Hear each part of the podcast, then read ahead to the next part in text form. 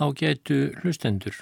Árið 1956 þá kom út í Reykjavík bók sem hétti Útlegð og hafði að geima æfiminningar Þorfinns Kristjánssonar sem hafði í ára tugi verið búsettur í Kaupmannahöfn.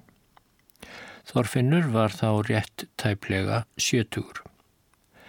Þrátt fyrir nafnið á æfiminningunum í útlegð þá var ekki svo að Þorfinnur hefði á sínum tíma röklast í einhverjum skilningi frá Íslandi og hefði búið nauðugur í Danaveldi síðan, því fór fjari. Hann hafði einfallega á sínum tíma flust til Kaupmannahafnara því þar voru atfinnu horfur hans Petri og Þorfinnur sem var prentari að ment fann sér góða vinnu í Kaupmannahöfn og um, sá eftir það ekki ástæðu til að flytjast aftur til Íslands. En hann var alltaf mikill Íslendingur eigað síður og danskir starfsfélagar hans kalluðan jefnan okkar íslenski kollega.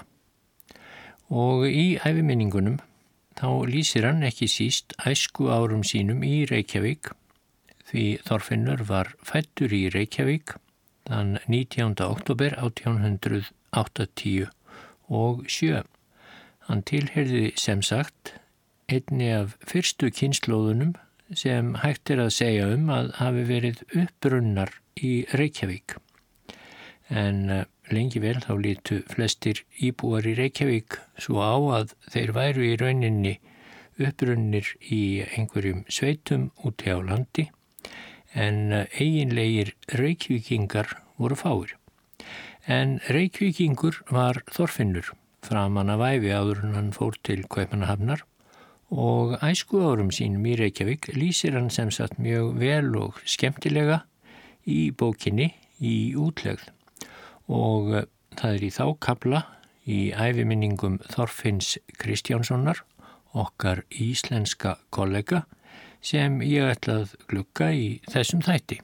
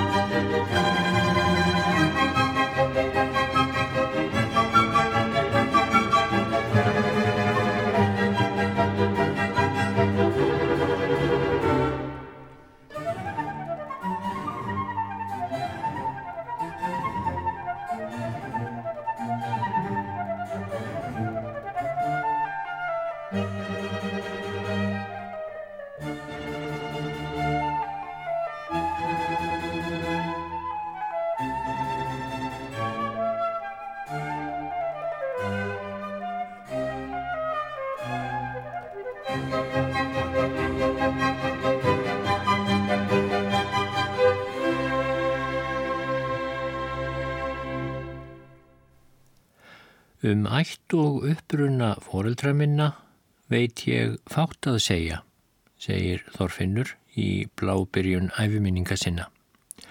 Móður mín hétt Anna Sigríður Þorfinnsdóttir, fætt 18. september 1855 í barðssókn í fljótum í Skagafyrði og skýrð strax daginn eftir, svo helst er að ætla að hætt hafi verið um líf hennar. Hver lengi móður mín hefur dvalist í fæðingarsveit sinni veit ég ekki. Þá er mér heldur ekki kunnugt um það hvar fundum fóreldra minna bar saman fyrst, en þykir ekki ólíklegt að það hafi verið á Norðurlandi. Því ég minnist þess að fadur minn hafi sagt mér að hann hafi á yngri árum sínum verið á hólum í Hjaltadal við vinnu sumar langt. Allt jænt giftust foreldrar mínir 29. november 1885 í Reykjavík og bjöku þar síðan. Móður mín var hár tígulegur hvernmaður, grönn og vel vaksinn, fríð sínum, ljós á brún og brá og hafði mikið hár og fagurt þegar náði henni í beltistað, þá er það hafði verið sett upp og nælt undir húfuna. Hún var ljúflind og jafnlind í daglegri umgengni, hjálpsöm og tilfinninganæm. Öllum er kynntust móður minni þótti væntum hana. Svo hefur sagt mér fólk er þekkt hana. Mér þótti væntum móður mína og mátti naumast af henni sjá en það var ég lengi einasta barn foreldra minna. Ég er næst elstur, þryggja barna er þeim auðnaðist, fættur 18. oktober 1887 í hlýðarhúsum í Reykjavík, húsi Jóhannesar Sóeka er þá var útvegsbóndi í Reykjavík. Fyrsta barn fóreldra minna var stúlka er Fannei hétt en hana mistu þau liðlega árs gamla.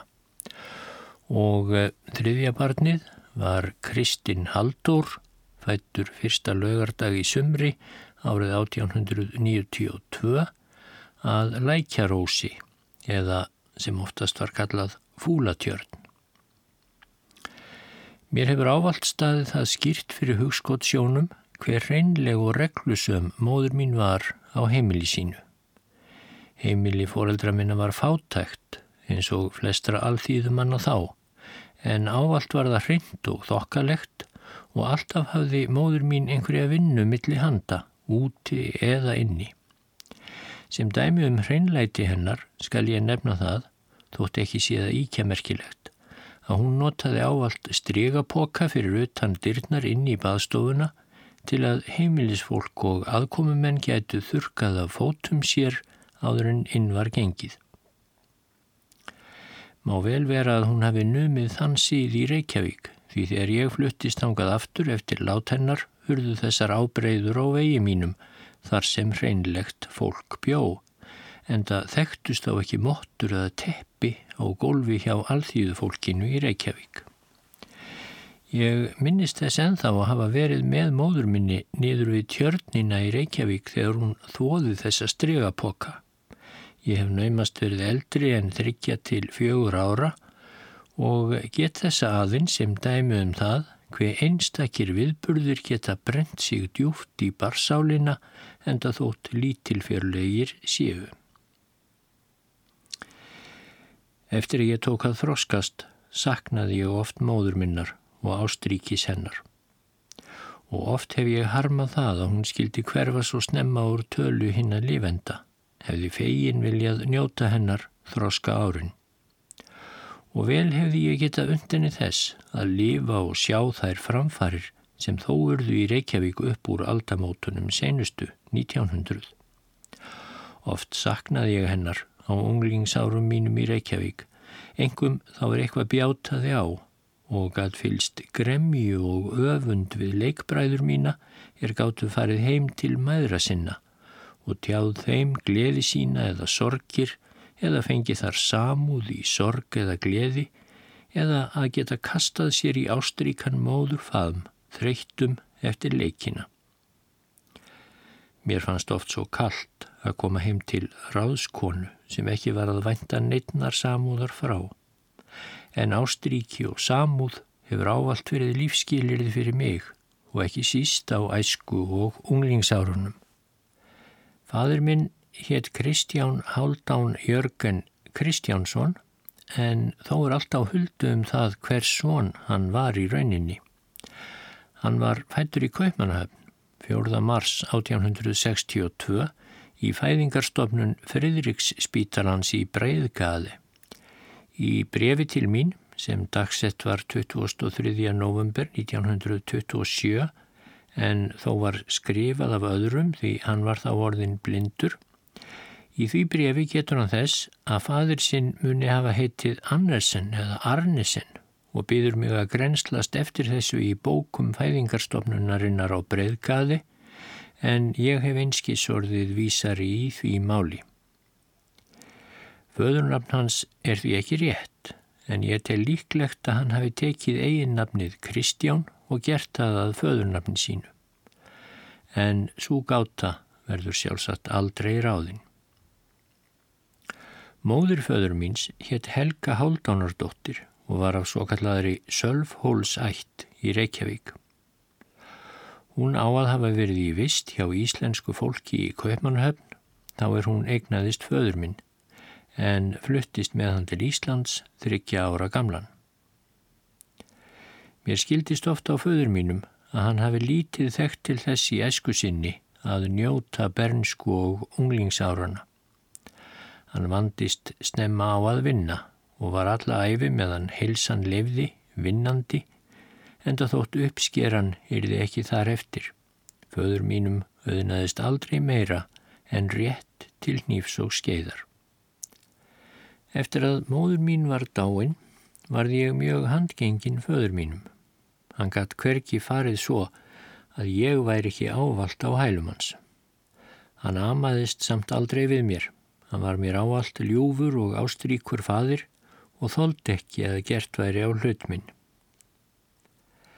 Á æsku árum mínum stundaði fadir minn sjómennsku en eftir að hann giftist let hann að mestu af þeim starfa og laði stund á steinsmíði. Emil Sjú, steinhökvari, sem margir eldri reykvíkingar munu kannast við, saði mér einu sinni þegar ég heitti hann hér í Kveipanahöfn að fadur minn hefði mestu lært hjá sér og let hann vel af honum. Annars var fadur minn á allt kallaður múrari og fegst við allt sem að þeirri yðin laud. Hann var vel greindur maður en hafði ekki fengið aðra kennslu en þá sem hann hafði numið af sjálfum sér. Hann hafði áhuga á ymsum málum en helt skoðunum sínum jafnan fyrir sjálfan sig. Árið 1905 kvantist fadir minn í annað sinn eftir að hafa verið ekki maður í tíu ár. Setni kona hans heitir Guðrún Ólafstóttir, ættuð úr melasveit í Kjalarnestingi.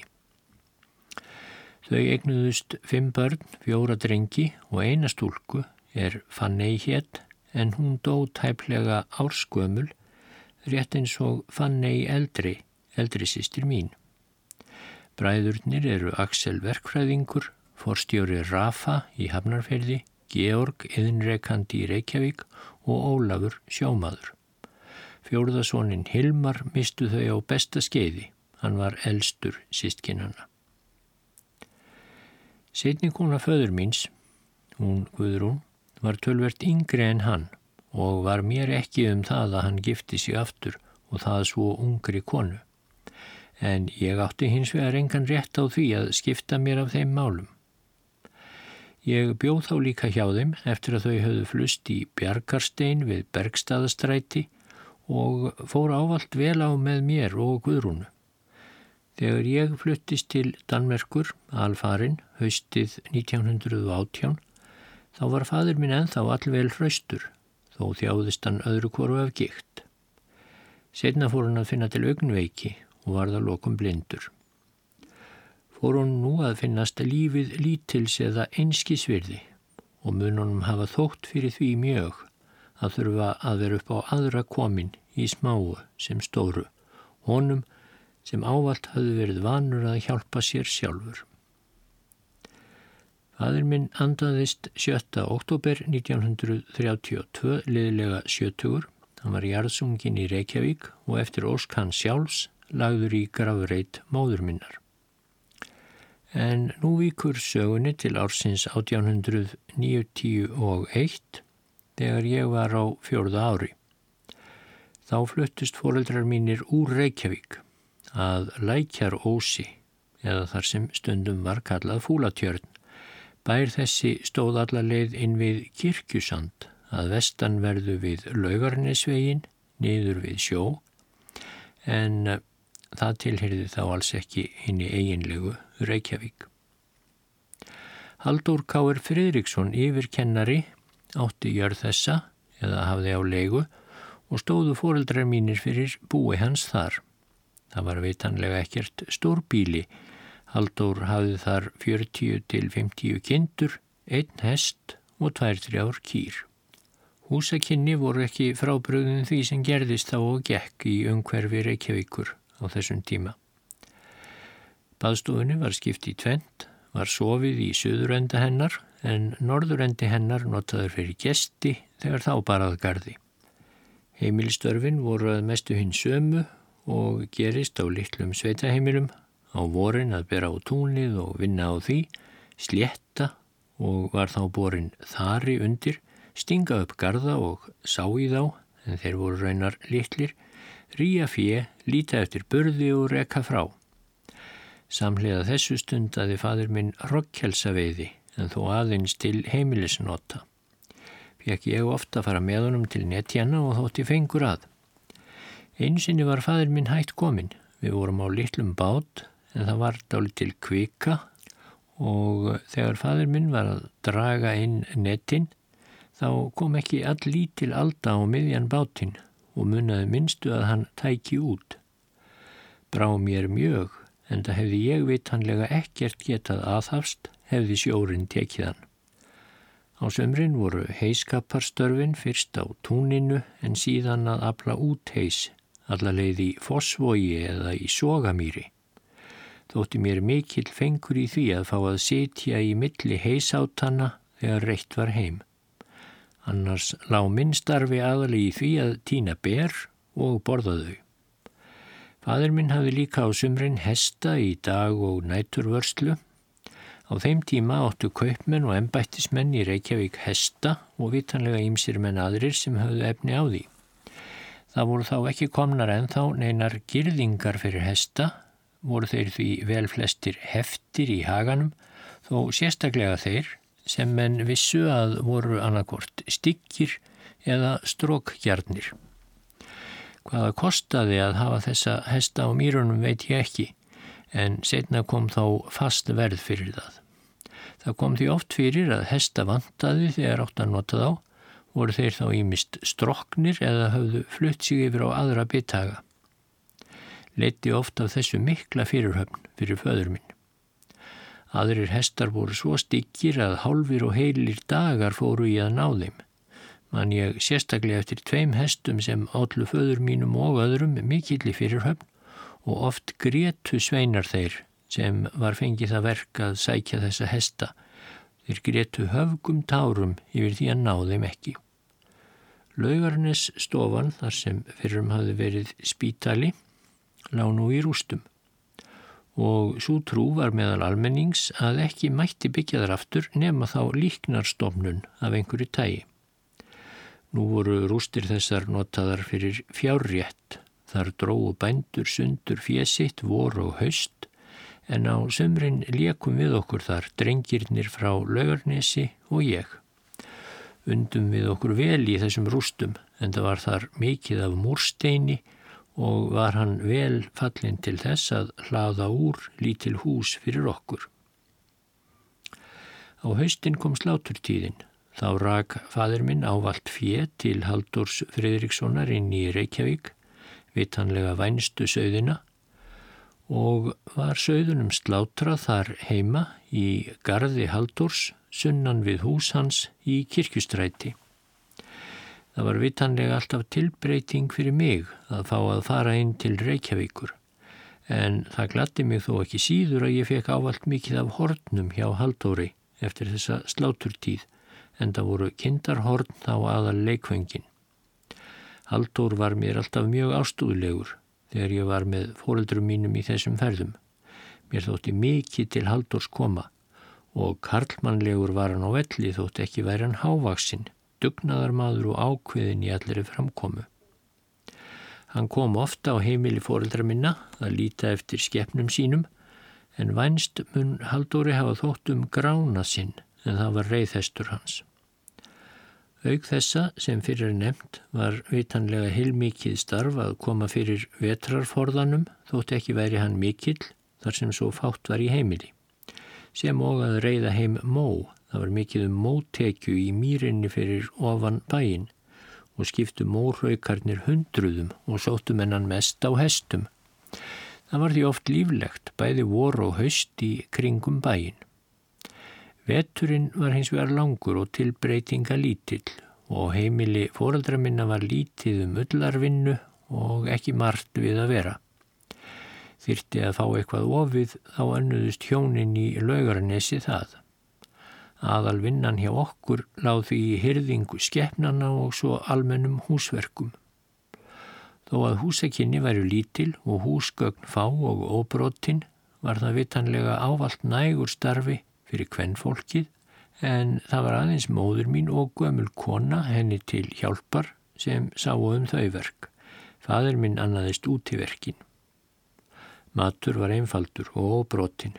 Var hann helst fiskur, nýr og saltaður og sölduð og síinn grásleppa og reyktur rauðmægi, saltað kjött, aldrei nýtt kjött nema rétt á haustin, blóðmur, lundabakki og rullupilsa, kjöttsúpa, vaskrautur og mjölkurvellingur, heimabakað brauð eða pottbrauð svo kallað, kökur og söðkökur. Móður mín bakaði kökur á glóð en það voru ekki önnur eldfæri en hlóðir. Ekkert brauð frá brauðgerðarhúsum var notað á heimili fóreldra minna á þessum tíma, svo ég muni. En fyrir kom það á vorin að brauð ræki í land frá frönskum fiskiskipum. Voru þau hyrt og þurkuð og þóttu hið mesta salgæti. Lítið var um skemtanir á þessum tímum.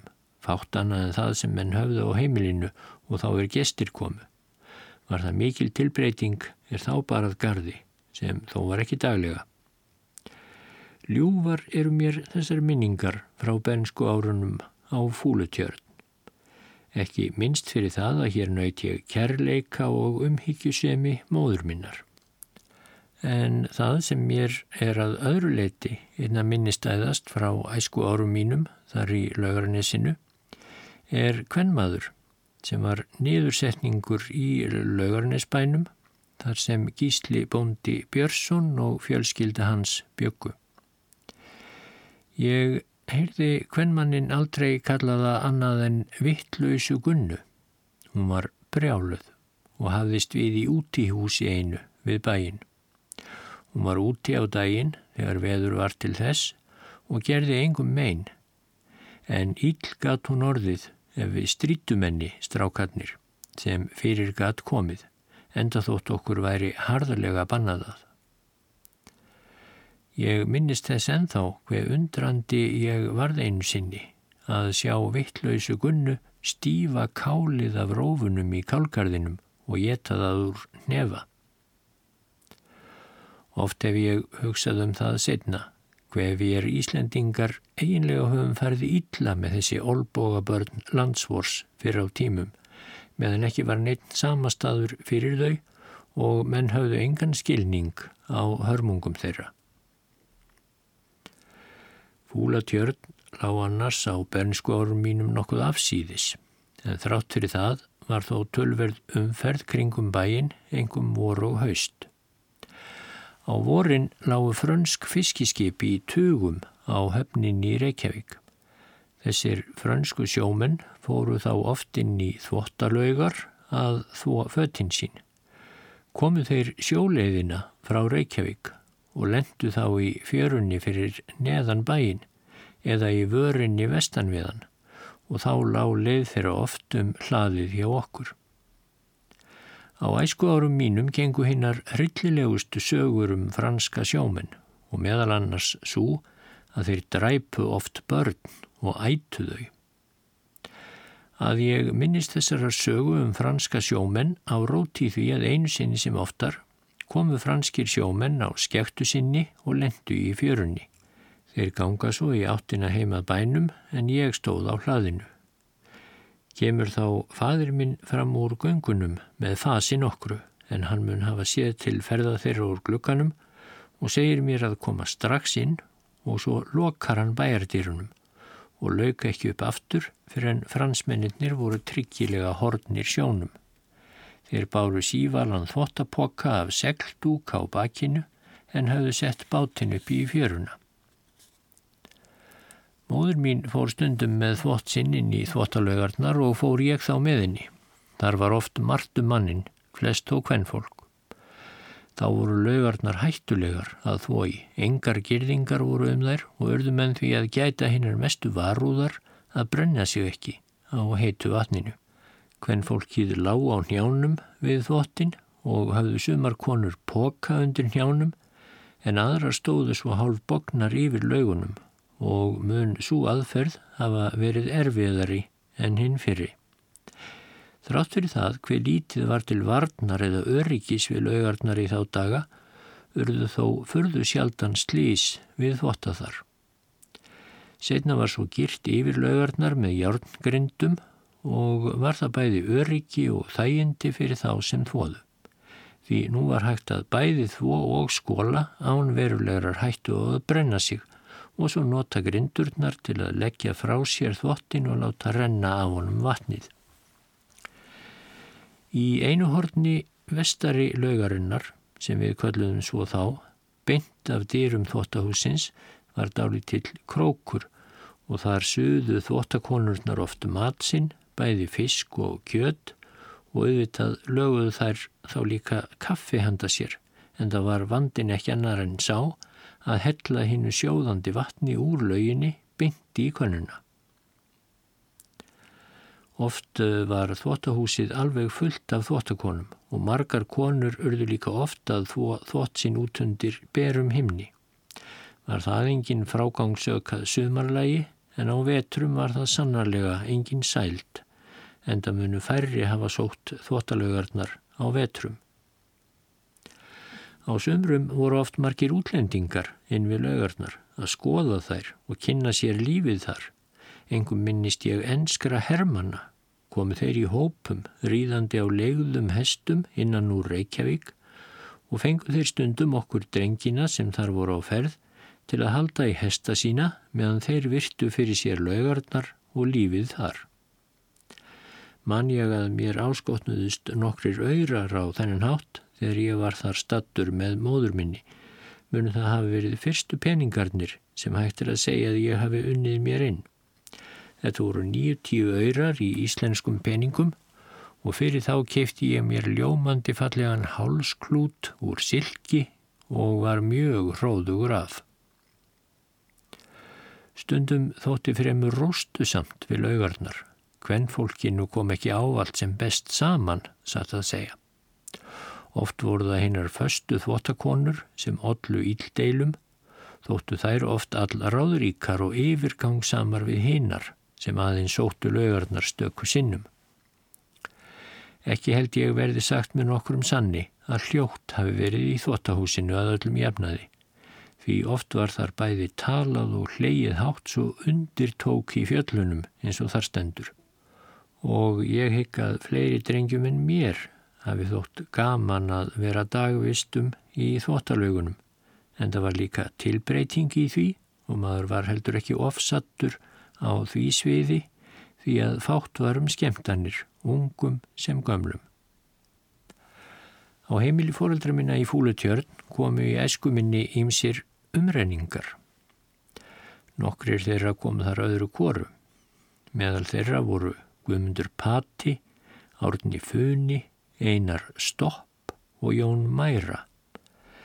Ég þekkt ekki föðurnöfn þessara manna, heyrði aldrei annað en þessi auknefni þeirra.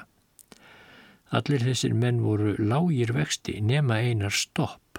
Hann var hávaksinn maður, all grannur. Enginnilegastur þessara umrenninga eða olboga barna þjóðfélagsins, þeirra sem kom á heimili fóreldra minna, var Jóhann Berri. Hann kom reyndar aðeins einu sinni á miðju sumri. Ég stóð út á hlaði og sá mann koma í mýrinni og stefna á bæin. Hann var að heita má nakin. Flíkur hengu þó um hann en það var aðeins einn skirta og brækur. Ég stóð og starði á mannin sem nálgaði stóðum bæin og er hann var aðeins nokkra faðma frá mér, þauðt ég en til móður minnar hálf hrættur og sagði henni að nakin maður sé á hælunum á mér. Móður mín voru þegar út að gáað manni þessum og var hann þá að koma í hlaðið. Skiptust þau á kveðjum og baði óhannum að fá að vera um nóttina. Fór hann þegar í rúmið, láð það sem eftir var dagsins og fram á miðjan næsta dag. Svo helt hann áfram ferð sinni og sá ég hann aldrei eftir það. Jóhanni Bera var vitaskuld bóðin matur en ekki bragðaðan á matnum fyrir en móður mín hafði bragðað á honum fyrst en þá borðaði hann líka af góðri list. Sögðu mennað þetta væri jafnan varúðaregla Jóhanns Bera hvar sem hann kæmi til að hann geti verið ugglausum að ekki væri eitrað fyrir honum. Ekkert veit ég um æfiferil þessara auðmingja eða auðnu leysingja Um suma þeirra var þó sagt að ástamál hefðu valdið þessum afdrifum þeirra. Árni Funi hafði ávalt nestispoka á bakinu og var í honum síkur og brauð og súr blóðmör. Engin hinna hafði með sér nesti af neinu tægi en það treystuðir á það að fá í kokkin á þeim bæjum þar sem þeir gistu. Flesta þessara manna sá ég oft og mörgum sinnum setna inn í Reykjavík. Seinast sá ég átna gamla funa á Eirarbakka árið 1916. Mér fannst hann lítið breyttur í útliti þótt þá væru meir en 20 ár frá því ég sá hann fyrst á fúlutjörn. Það var kunnur Vassberi í Reykjavík sem var nefndur Sæfinnur með 16 skó. Einu sinni var ég á ferði í Reykjavík með móður minni og gengum við Fissjersundið.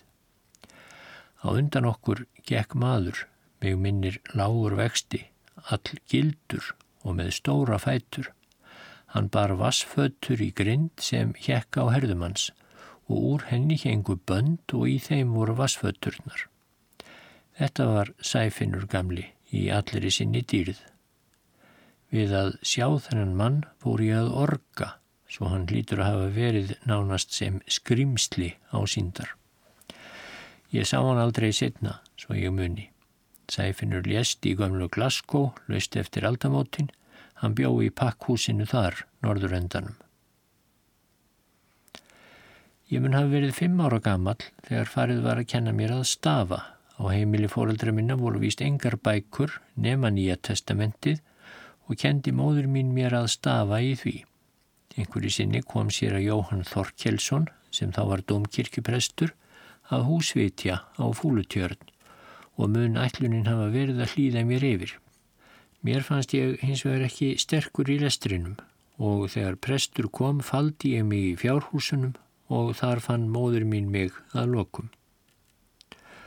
Um bæin okkar að fúlutjörn lá vegur þeirra sem ætluðar laugarnesi eða inn í Viðei, ferjuleiðina. Þeir sem ætluði í Viðei fóru inn á svo kallaðan köllunarklett og voru svo sóttir yfir í Viðei á báti. Heimilisfólkið í Viðei og líklega flestir gestir þangað notuðu alloft þessa leið fram hjá bænum okkar í stað þess að fara sjóleiðina alla leið frá Reykjavík. Lítið byggðist hér upp þann tíma sem ég átti heima á fúlutjörn. Aðeins einu húsi skaut upp á túninu, nefndist það Ós og var eignina svo nefndu Sturlubræðra. Voru tveir bændur í þessu koti meðan ég þekkti til. Haldur gamli Fridriksson kom ofta á heimili foreldra minna, eins og ég sagði áðan, til að líta eftir fjennu og gekk hann sjálfur í fjárhúsið og þreyfaði á kindunum eins og hverannar búmaður og væri eitthvað að þá var brent brennisteini í fjárhúsinu til sóttreynsunar. Haustið 1895 mun hafa verið kvillasamt í Reykjavík. Föður amma mín vektist um haustið og dó skömmu setna. Hún var hjá Margréti gömlu Sóeka er þá hafði hótel Reykjavík þar sem nú er herkastalinn og þar dó amma mín. Margrét Sóeka saði mér mörgum árum setna að sér hafi þótt vandum ömmu mína verið dugnað hennar og gesku. Móður mín stundaði ömmu í legunni eftir mætti en vektist svo sjálf og móður mín dó í novembermánuði það sama ár 1895. Hún lág ekki lengi og hétt svo að læknirinn hafi ekki vitað hvað aðinni hafi verið er mér Jónasen gamli læknir enn í fersku minni þegar hann kom einu sinni að vitja móður minnar.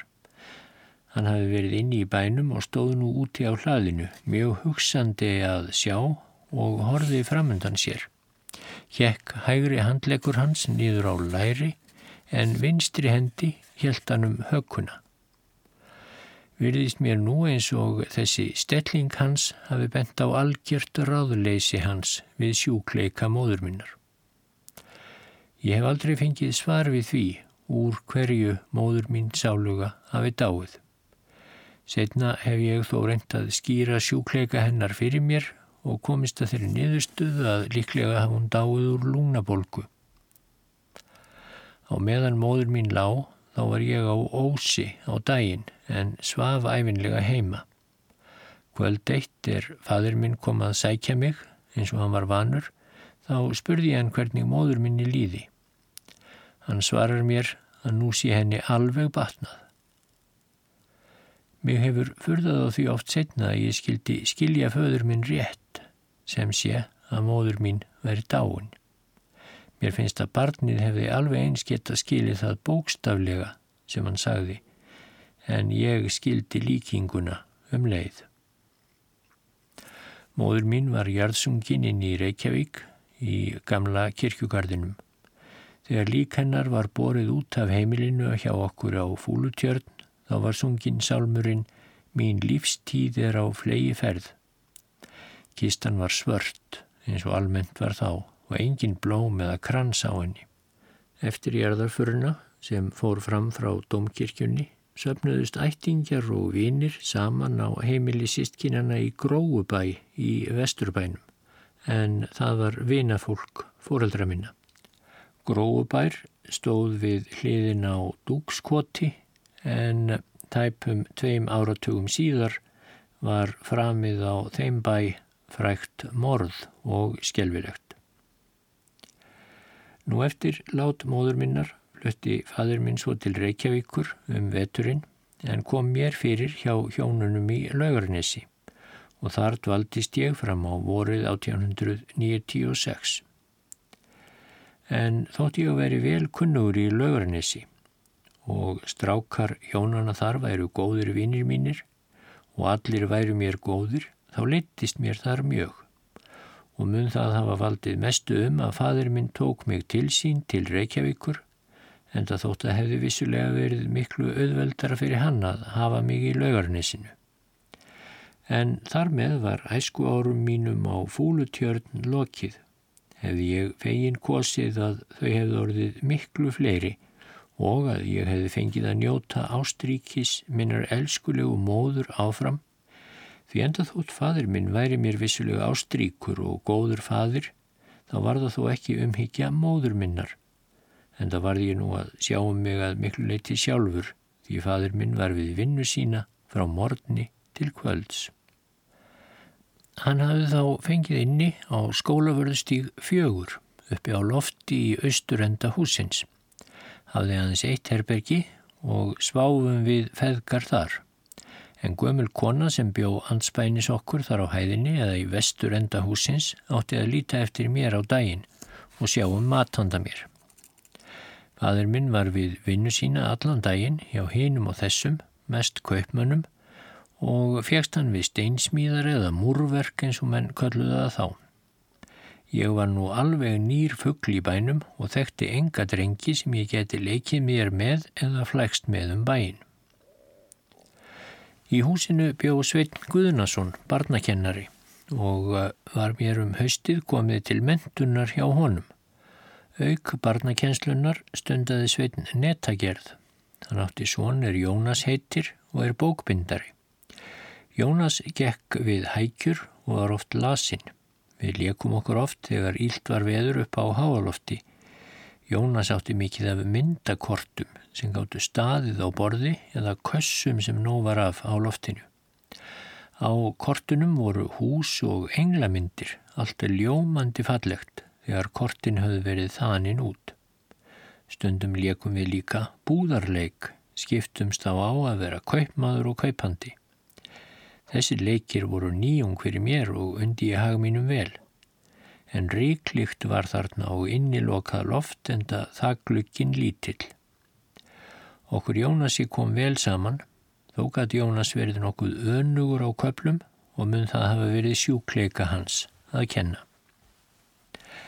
Sveitn hafði kennslustofu sína uppi við hliðin á herbergi því sem fadur minn bjó í. Ég átti því ekki langt að ganga til kennslunar.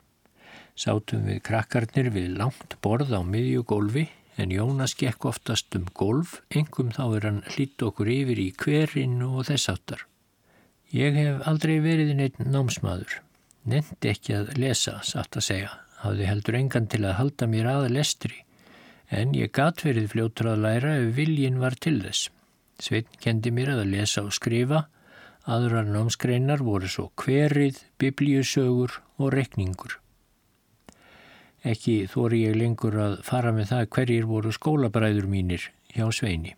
En tveimur mann ég þó eftir, gesti á Bergstöðum og Guðmundi Jónssoni, síðar Kampan, rittufundi. Og þó mann ég ekki mikið eftir Kampan þaðan, en það mann ég að hann gekk þá oftast með sokkana utan yfir brókunum eins og margir gerðu þá engum á vetrum í snjó og slappi. Guðmundur áttu víst heima í skildinganessi þá. Okkur lendi eitthvað saman hér í Kaupmannahöfn á stríðsárunum setni, mér og kampan, og gatt ég þess þá í ræðuminni að ég myndi eftir honum úr skóla Sveins og að hann hefði þá oftast haft sokkana utan yfir brókunum. Kampan let ekki standa á svari og fyrtist við saði þetta lígi því hann hefði verið talinn manna best klættur í skóla. Hann myndi auðsjámanlega ekki eftir skóla Sveins en átti við latínuskólan. Setni hluta sumars 1896 í ágústmánuði hófust jarðskjáltarnir miklu í Reykjavík. Þeir er einnig gengu yfir mestan hluta Suðurlands. Fadur minn hafði færið með hesta inn í mýrar og var ég með honum. Þegar við komum heim til bæjarins aftur stóð fólki í fylkingum á götum úti sem annars var mjög sjaldgeft ef ekki óþægt í Reykjavík á þeim tíma. Því fólk var satt að segja ekki mikið á ferli og ekki mikið útstáelsi. Spurði fadur minn hvað um væri að vera og sagðu menna að miklir jarðskjáltakipir hefðu orðið í bænum en við höfðum þó orðið einski svarir. Svo stóðu þessir jæðskjáltar yfir langan tíma, oft með nokkura daga millibili. Oft vöknunum við að værum blundi við það að allt skalv og nötraði í húsinu. Þá þótti fólki sem bjó í steinhúsum vissar að klæðast og vera við öllu búið ef háskabæri eða höndum. Man ég og eftir því að eina nótt sváfu allir íbúar húsins á flatsæng á gólfinu niðri til að eiga hægara með að komast út yrðu kippirinnir mjög slæmir. Ekki man ég hvort nokkrir á gamlu torfbæjunum í Reykjavík hrundu en eh, íbúar ymsra þeirra lágu úti í tjöldum og aðrir höfðu flutt úr húsum sínum og lágu í tjöldum á austurvelli. Voru margir mjög óttastleiknir, engum gamalt fólk. Ekki höfðu jæraskjáltar þessir neyn verulega áhrif á mig, þó var kjarkurinn reyndar ekki mikill rétt á meðan kipunum stóð lítið manni eftir mannflutningum austan úr síslum til Reykjavíkur en mörg þeirra barna sem þá var komið fyrir í Reykjavík ílendust þar og kalluðust þau oftast jarðskjálta börn. Árið 1897 flutti svo fadur minn í Þingholtstræti 16. Minnir mig að Steingrímur Guðmundsson trésmiður ætti það hús þá. Setna byggu í þessu húsi Bjarni Jónsson frá Vogi og Þorstein Erlingsson skáld. Fadur minn bjó í Suðuröndahúsins en í hinum enda þess byggu þá tveir stúdendar, Magnús Guðmundsson, síðar Ráþerra og Eirikur Stefánsson, síðar prestur að auðkúlu. Hér hafði fadur minn ráskonu, svo ég hafði meiri umhyrðu en áður. Hér í Þorpinu var þá hópur af drengjum og stúlkum og var því oft glaumur og gleði engum sumarkvöldin björnt. Hópuðumst við saman í þingholtstrætinu í ýmsum leikjum eða reynlega til áfloga. Meðal fjölda barna sem tóku þátt í þessum leikjum var Hjeðin Valdimarsson en Lauvei, sýstir Hjeðins, var aldrei svo ég muni með í leikjum okkar. Lauvei fór oftast ein vega sinna Hún gekk ávalt á kantsteinum gangstjættarinnar og virtist henni um að gera að fara ekki út af þeim, en halda sig á þeim eins langt og þeir náðu. Ég minnist satt að segja ekki að það var nokkuru sinni séð laufegu leika sér úti. Ég á annars margar góðar minningar frá leikjum okkar í Þingolstrætinu og umhverfið þess, vetur og sömar í þessum hópi. Að vísu var ég svo sem ekki rókur alls fagnadur en ég gerði mér þó farum að vera ekki eftir bátur hinna í leikjunum. Leikir okkar voru oftast boltaleikur, hverfa fyrir horn eða feluleikur, kasta bolta upp á húsvegg eða upp á þakið og grípan, búðarleik en vörurnar voru oftast einhverjar plöntur, til dæmis kjarnar úr venusvagni, sem og að ganga á stultum, oft með þrem fjórum tröppum, lögðum við þá stundum meira en alin við hæð okkar og svo stikkunum við um buksnarnappa. Oft röppuðum við líka saman eða strítum hvort öðru eða hlupum yfir grindurnar við hús Helga Helgasonar nr. 12. Þá skal ég aðeins nefna það að stundum gerðum við brauð og kökur úr hærðri mold. Mörg sumarkvöldin var sólinn gengin til viðar þegar við loksins skildumst og þegar heim kom flýtti ég mér í rúmið og svaf eins og steinn þar til kallað var á mig næsta morgun. Það kom oft fyrir að föður mínum finnist ég vera of lengi út á kvöldin en veðrið var svo fagurt og heillandi og því örðugt drengnum að yfirgefa leiksistur og bræður þá leikurinn stóð sem hæst.